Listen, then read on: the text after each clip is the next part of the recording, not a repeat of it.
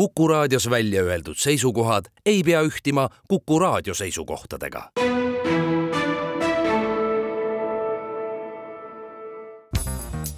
järjejutt. Tuve Titlevsen, Kopenhaageni triloogia Postimehe kirjastuselt. järjejutt. hommikus oli veel lootust seda oli kerges läikes mu ema mustadel sirgetel juustel, mida ma kunagi puudutada ei julgenud, ja mu keelel suhkruga kaetud leiges pudrus, mida aeglaselt sõin, vaadates ema saledaid kokku põimitud käsi, mis lebasid liikumatult ajalehel lool Hispaania gripist ja Versailles rahulepingust. mu isa oli tööle läinud ja mu vend oli koolis. mu ema oli seega üksi, kuigi ka mina olin seal ja kui ma olin täiesti vait ega öelnud midagi, võis rahu tema veidras südames kesta hiliste hommikutundideni, kuni ta pidi minema Istakeli poodidesse nagu teised naised. päike piilus rohelise mustlasvankri tagant, otse kui paistnuks see selle sisemusest, ja sügeliste Hans astus välja, ülakeha paljas, pesukauss käes. kui ta end veega üle oli kallanud, sirutas ta käe ja võttis rätiku, mille ilus lili talle ulatas. Nad ei öelnud teineteisele sõnagi, olles kui pildid raamatus, mida lappad. paari tunni pärast olid nad muutunud nagu mu emagi. sügeliste Hans oli päästearmee sõdur ja ilus lili tema kallim. suviti toppisid nad vankrisse hulga lapsi ja sõitsid nendega maale. vanemad maksid neile selle eest krooni päevas olin ka ise nendega kaasas käinud, kui olin kolmene ja mu vend seitsmene. nüüd olin ma viiene ja ainus, mida ma sellest reisist mäletasin, oli see, kuidas ilus lili tõstis mu vankrist maha ja pani kuumale liivale, mida ma kõrbeks pidasin. ja roheline vanker sõitis minema, jättes mu maha, kahanedes üha väiksemaks ja selles istus minu vend, keda ma ei näe enam kunagi ning ema samuti mitte kui lapsed koju tagasi tulid, olid kõigil sügelised. sellepärast teda kutsutigi sügeliste Hansuks, kuid ilus lili ei olnud ilus. minu ema oli. Neil harvadel õnnelikel hommikutundidel, kui pidin ta täiesti rahule jätma. ilus, puutumatu, üksildane ja täis salajasi mõtteid, millest ma midagi teada ei saanud tema selja taga lillelisel tapeedil, mille auke mu isa pruuni teibiga lappinud oli, rippus pilt naisest, kes vaatas aknast välja. naise selja taga põrandal oli häll väikese lapsega. pildi all seisis naine ootab meest merelt. vahel pani mu ema mind tähele ja vaatas minu pilgu all olevat pilti, mida mina olin pidanud leebeks ja nukraks. kuid mu ema puhkes naerma, mis kõlas otse kui hulk õhku täis paberkotte oleks korraga lõhki löödud mu süda tagus ärevusest ja nukrusest, kuna vaikus oli maailmast kadunud, kuid ma naersin kaasa, sest mind oli tabanud samasugune sünge lustlikkus. ema tõukas tooli eemale, tõusis ja jäi pildi ette oma kortsus öösärgis seisma, käed puusas. siis laulis ta trotslikul plikahäälel, mis ei kuulunud talle, nagu ei kuulunud ka see hääl, mida ta kasutas hiljem, kui müüjatega hinna üle kauples kas mul pole luba laulda oma musul, mida tahan? ruirairaa ja ruirairaa ja ruirairaa. sõbrake nüüd aknalt mine, tule hiljem tagasi. külm ja hallad jälle toonud äti koju tagasi. laul ei meeldinud mulle, kuid ma pidin naeru lagistama, sest mu ema laulis seda minu lõbustamiseks. kuid see oli mu oma süü. Poleks ma pilti vaadanud, ei oleks ta mind ka tähele pannud ta oleks edasi istunud, käed rahulikult kokku põimitud ja ilusate silmade range pilk kinni kusagil ei kellegi maal meie vahel. ja mu süda oleks saanud edasi sosistada ema ja teada, et ta mõistis mind mingil müstilisel moel. oleksin pidanud ta kauemaks üksi jätma, siis oleks ta sõnadeta mu nime öelnud ja ma oleks teadnud, et oleme suguluses. siis oleks miski, mis meenutab armastust, täitnud terve maailma ning sügeliste Hans ja ilus lili oleks seda märganud ja jäänudki värvilisteks piltideks raamatus. nüüd hakkasid nad kohe peale laulu lõppu kaklema ja kisama ja üksteist juustest sikutama. samas tungisid tuppa ärritunud hääled trepikojast ning ma lubasin endale, et homme teen ma näo, nagu poleks seda nukrat pilti seinal olemaski. Kui lootus kustus, pani ema riided ärritatult ja ägedate liigutustega selga, otse kui oleks iga riidetükk teda solvanud. ka mina pidin end riidesse panema ning maailm oli korraga kalk ja ohtlik ja hirmus, sest minu ema hämar raev viis alati selleni, et ta lõi mind näkku või tõukas mind vastu kahhelahju. ta oli võõras ja mõistatuslik ning ma mõtlesin, et mind on beebina ära vahetatud ja tegelikult ei ole ta üldse minu ema. Kui ta riides oli, astus ta magamiskambris peegli ette, sülitas tükile roosale siidipaberile ja hõõrus sellega ägedalt põski. viisin tassid kööki ja minu meeltesse hiilisid kaitsva kihina pikad kummalised sõnad. laul või luuletus valuvaigistav ja rütmiline ja lõputult melanhoolne, kuid mitte kunagi õnnetu või kurb. kui heledad sõnalained läbi minu voolasid, teadsin ma, et mu ema ei saanud mulle enam midagi teha, sest ta ei tähendanud minule enam midagi. minu ema teadis seda samuti ja ta silmad täitusid kalgi vaenulikkusega. ta ei löönud mind kunagi, kui olin hinges nii liigutatud, kuid ta ka ei rääkinud minuga alates sellest hetkest kuni järgmise hommikuni olid lähestikku vaid meie kehad. ja hoolimata sellest, et siin oli kitsas, vältisid need vähimatki kokkupuudet. kõige all, minu lapsepõlve põhjas seisab mu isa ja naerab. ta on must ja vana nagu kahelahi, kuid temas ei ole midagi, mida ma kartma peaks. kõike, mida ma tema kohta tean, võingi ma teada ja kui ma rohkem teada tahan, pean vaid küsima ise ta minuga rääkima ei hakka, sest ta ei tea, kuidas väikeste tüdrukutega rääkida. Aeg-ajalt patsutab ta mu pead ja ütleb no noh. siis surub mu ema huuled kokku ja isa tõmbab kähku käe ära. minu isal on kindlad õigused, kuna ta on mees ja meie kõigi toitja. sellega peab ema leppima, kuid ta ei tee seda vastu puiklemata. miks sa ei või istuda nagu meie teised, ütleb ta kui isa diivanile pikali heidab. ja kui ta raamatut loeb, ütleb ema, lugemine teeb veidrikuks. kõik, mis raamatus kirjas, on vale. pühapäeviti joob isa ühe õlle ja ema ütleb, see maksab kakskümmend kuus ööri. kui sa nii jätkad, lõpetame me Sunholmis kuigi ma tean, et Sunholm on koht, kus magatakse õlekotil ja süüakse kolm korda päevas soolaheeringat, saab see sõna osaks neist ridadest, mida moodustan, kui olen üksi või hirmul, sest see on sama kaunis kui pilt isa raamatus, mida eriti armastan. selle pealkiri on Töölisperekond metsas jalutamas ja see kujutab isa ja ema kahe lapsega. Nad istuvad rohelisel murul ja kõik naeravad ja söövad kaasa võetud võileibu, mis nende vahel lebavad. kõik neli vaatavad lippu, mis on torgatud isa kõrvale mulda. lipp on punane näen pilti alati tagurpidi, sest see on võimalik vaid siis, kui isa raamatut loeb. Siis süütab mu ema tule ja tõmbab kollased kardinad akende ette, kuigi ei ole veel pime. minu isa oli petis ja joodik, ütleb ta, kuid vähemalt polnud ta sotsialist. minu isa loeb rahulikult edasi, sest ta on veidi kurt ja ka see pole mingi saladus minu vend Edvin taob naelu lauajuppi ja tõmbab need siis kõik jälle tangidega välja. kunagi saab temast meistrimees, see on midagi väga peent. Meistrimeeste laual on lina, mitte ajaleht, ja nad söövad noa ja kahvliga. Nad ei jää kunagi töötuks ega ole sotsialistid. Edvin on ilus ja mina olen inetu.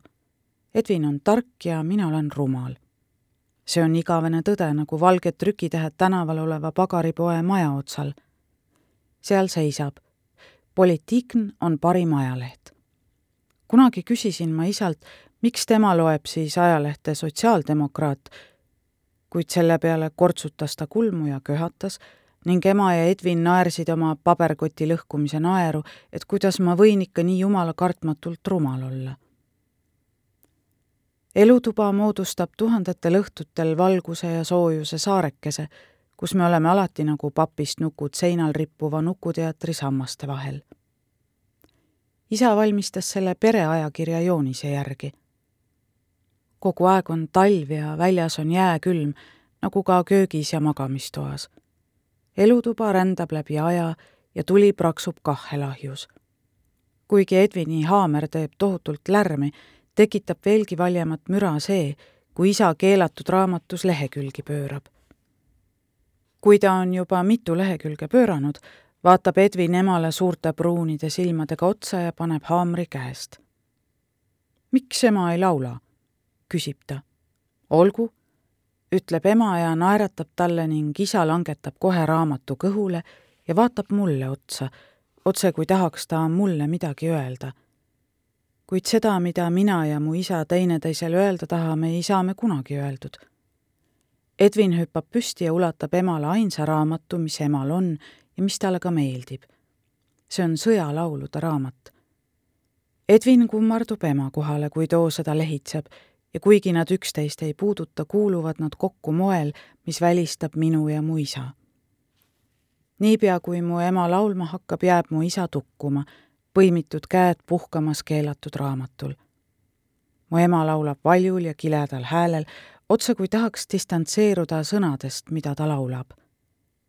ema, sina, ema, on pisarad sind räsinud, sa kaugelt oled tulnud, väsinud, ära nuta, ema, nüüd õnnelik olen. aitäh, et sa tulid, kuigi siin on nii kole. kõikides mu ema lauludes on mitu värssi ja veel enne, kui ta esimese lõpetanud on, hakkab Edvin taas haamriga taguma ja mu isa valjult norskama. Edvin palus tal laulda, et ära hoida ema raevu, mida isa lugemine temas tekitab.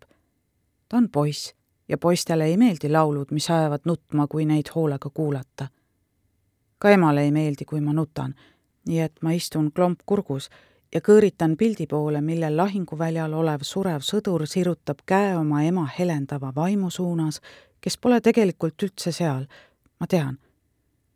kõik laulud on raamatus sarnase sisuga.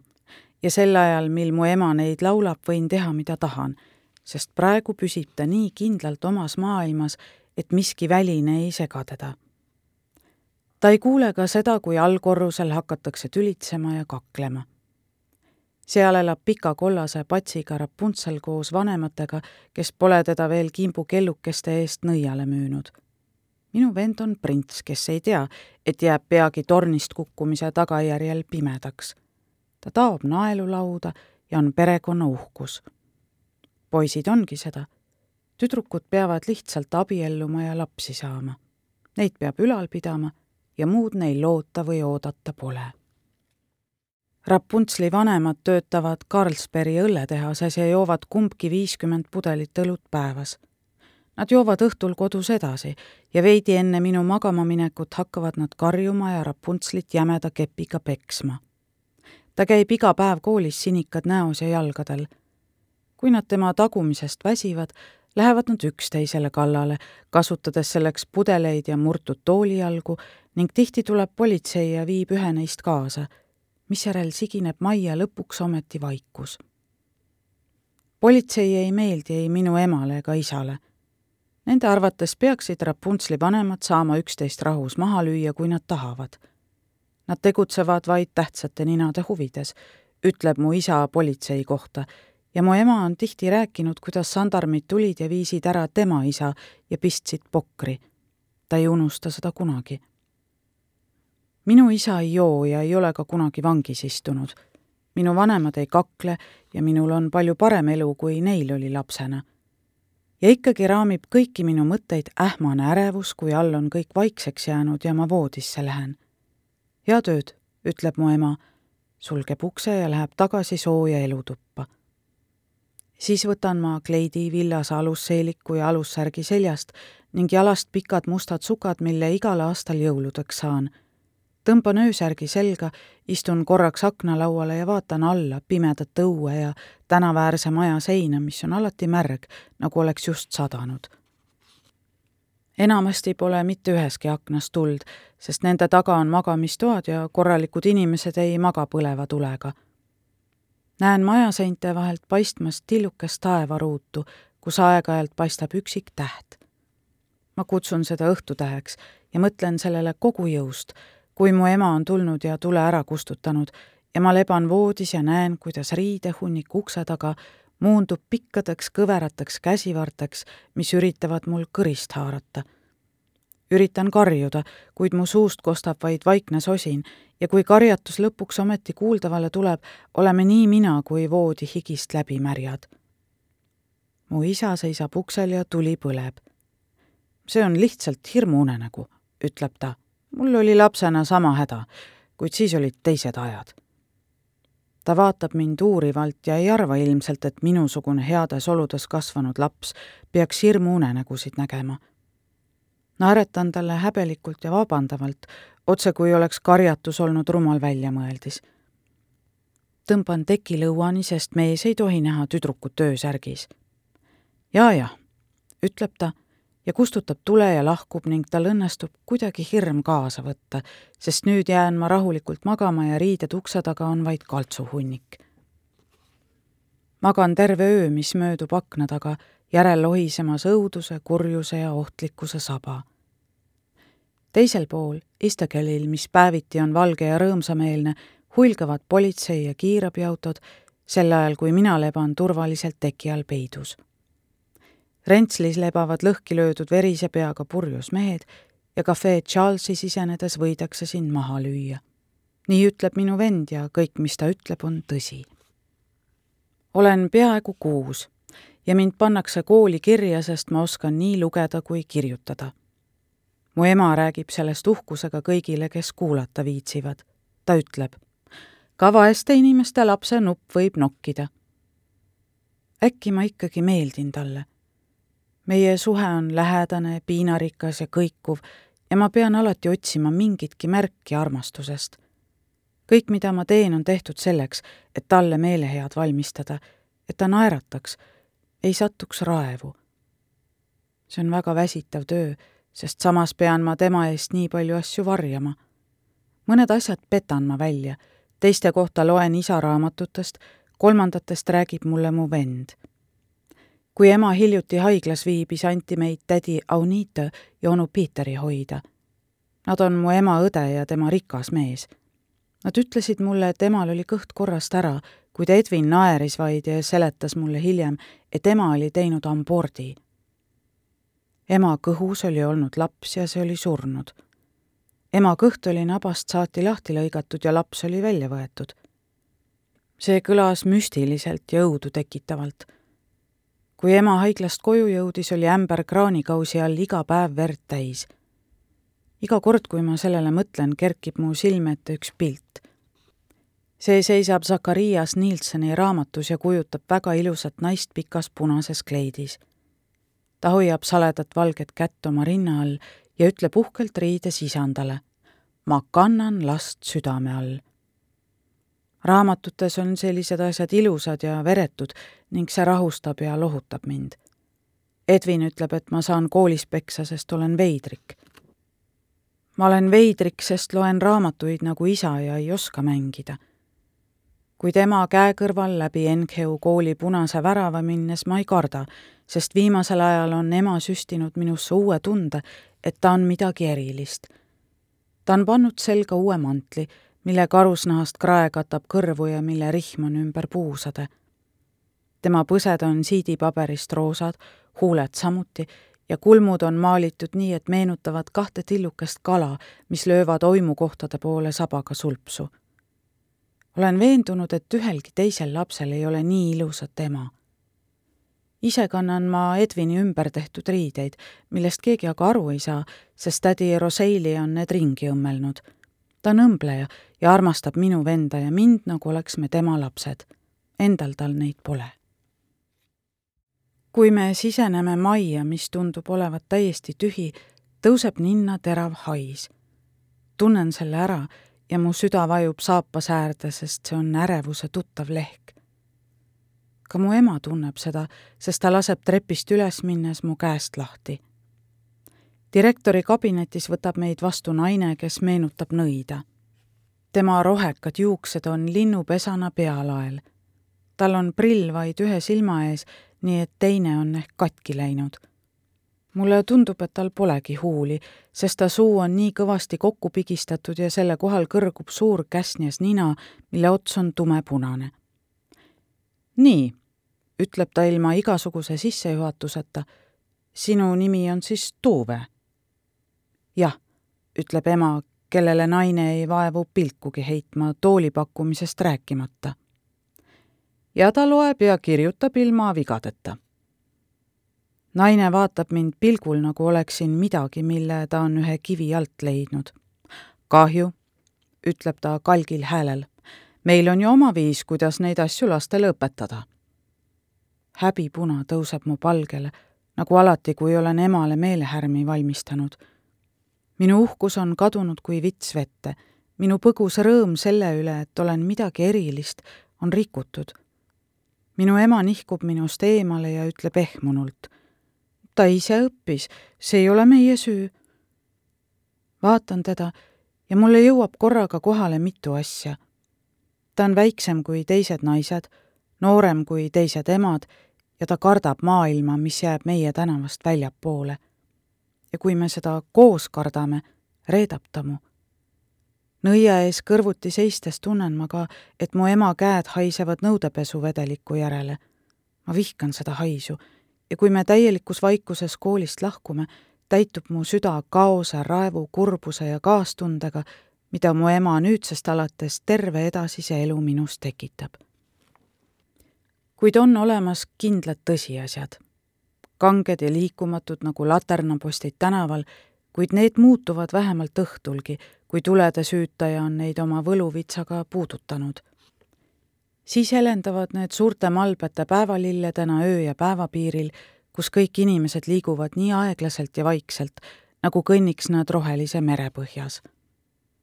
tõsiasjad ei helenda kunagi ega pehmenda südameid nagu inimlaps Titte, mis on üks esimesi raamatuid, mida loen see on sotsialistlik romaan, õpetab mu isa ja see võib küll tõsi olla, kuid ei ütle mulle midagi, nii et mul pole sellest kasu. Lora, ütleb mu ema, kellele ei meeldi samuti tõsiasjad, kuid kes oskab neid paremini ignoreerida kui mina. vahel harva, kui mu isa tema peale tõsiselt vihastab, kutsub ta ema valevorstiks, kuid ma tean, et see pole tõsi. ma tean, et igal inimesel on oma tõde nagu igal lapsel on oma lapsepõlv. minu ema tõde on minu isa tõest täiesti erinev, kuid see on sama ilmselge kui see, et isa silmad on pruunid, aga ema omad sinised. Õnneks võib oma südametõe kohta vaikida, samas kui karmid hallid tõsiasjad seisavad kooli protokollis, maailma ajaloos, seaduses ja kirikuraamatutes. Neid ei saa keegi muuta ja keegi ei julge kah isegi mitte issand, kelle kuju ma ei suuda peaminister Steuningu omast eristada, kuigi mu isa ütleb, et ma ei tohi jumalasse uskuda, sest kapitalistid on teda alati vaeste vastu ära kasutanud. niisiis, ma sündisin neljateistkümnendal detsembril tuhat üheksasada kaheksateist tillukeses kahetoalises korteris Vestebro linnaosas Kopenhaagenis. me elasime Hedebügeli kolmkümmend A ja tähendas, et me elasime tagahoovis. eesmises majas, mille akendest nägi tänavale, elasid peenemad inimesed, kuigi sealsed korterid olid täpselt samasugused nagu meie oma. Nad maksid üüri kaks krooni kuus rohkem kui meie. sel aastal lõppes maailmasõda ja kehtestati kaheksatunnine tööpäev. minu vend Edwin sündis siis, kui maailmasõda algas ja tookord töötas mu isa kaksteist tundi päevas ta töötas kütjana ning ta silmad punetasid ahjust alati lendavatest sädemetest. ta oli minu sündides kolmekümne seitsme aastane ja minu ema kümme aastat noorem. minu isa sündis linnas nimega Nykübing Moos. ta sündis väljaspool abielu ega saanud kunagi teada, kes ta isa oli. ta saadeti kuueaastasena valvurina tööle ja umbes samal ajal abiellus tema ema Potsepp Floutropiga temaga sai ema üheksa last, kuid nendest poolõdedest ja vendadest ei tea ma midagi, sest ma pole neid kunagi näinud ja mu isa pole nendest kunagi rääkinud. ta katkestas kuueteistaastasena Kopenhaagenisse sõites sidemed terve perekonnaga.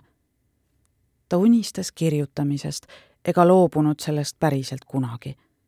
tal õnnestus leida tööd ühe ajalehe juures ajakirjanik praktikandina, kuid loobus sellest teadmata põhjustel ma ei tea midagi selle kohta, kuidas ta veetis need kümme aastat, kuni kohtas kahekümne kuue aastasena mu ema Todenskjölskeli pagariäris. mu ema oli kuueteistaastane ja müüjana samas äris, kus mu isa oli pagaripoiss.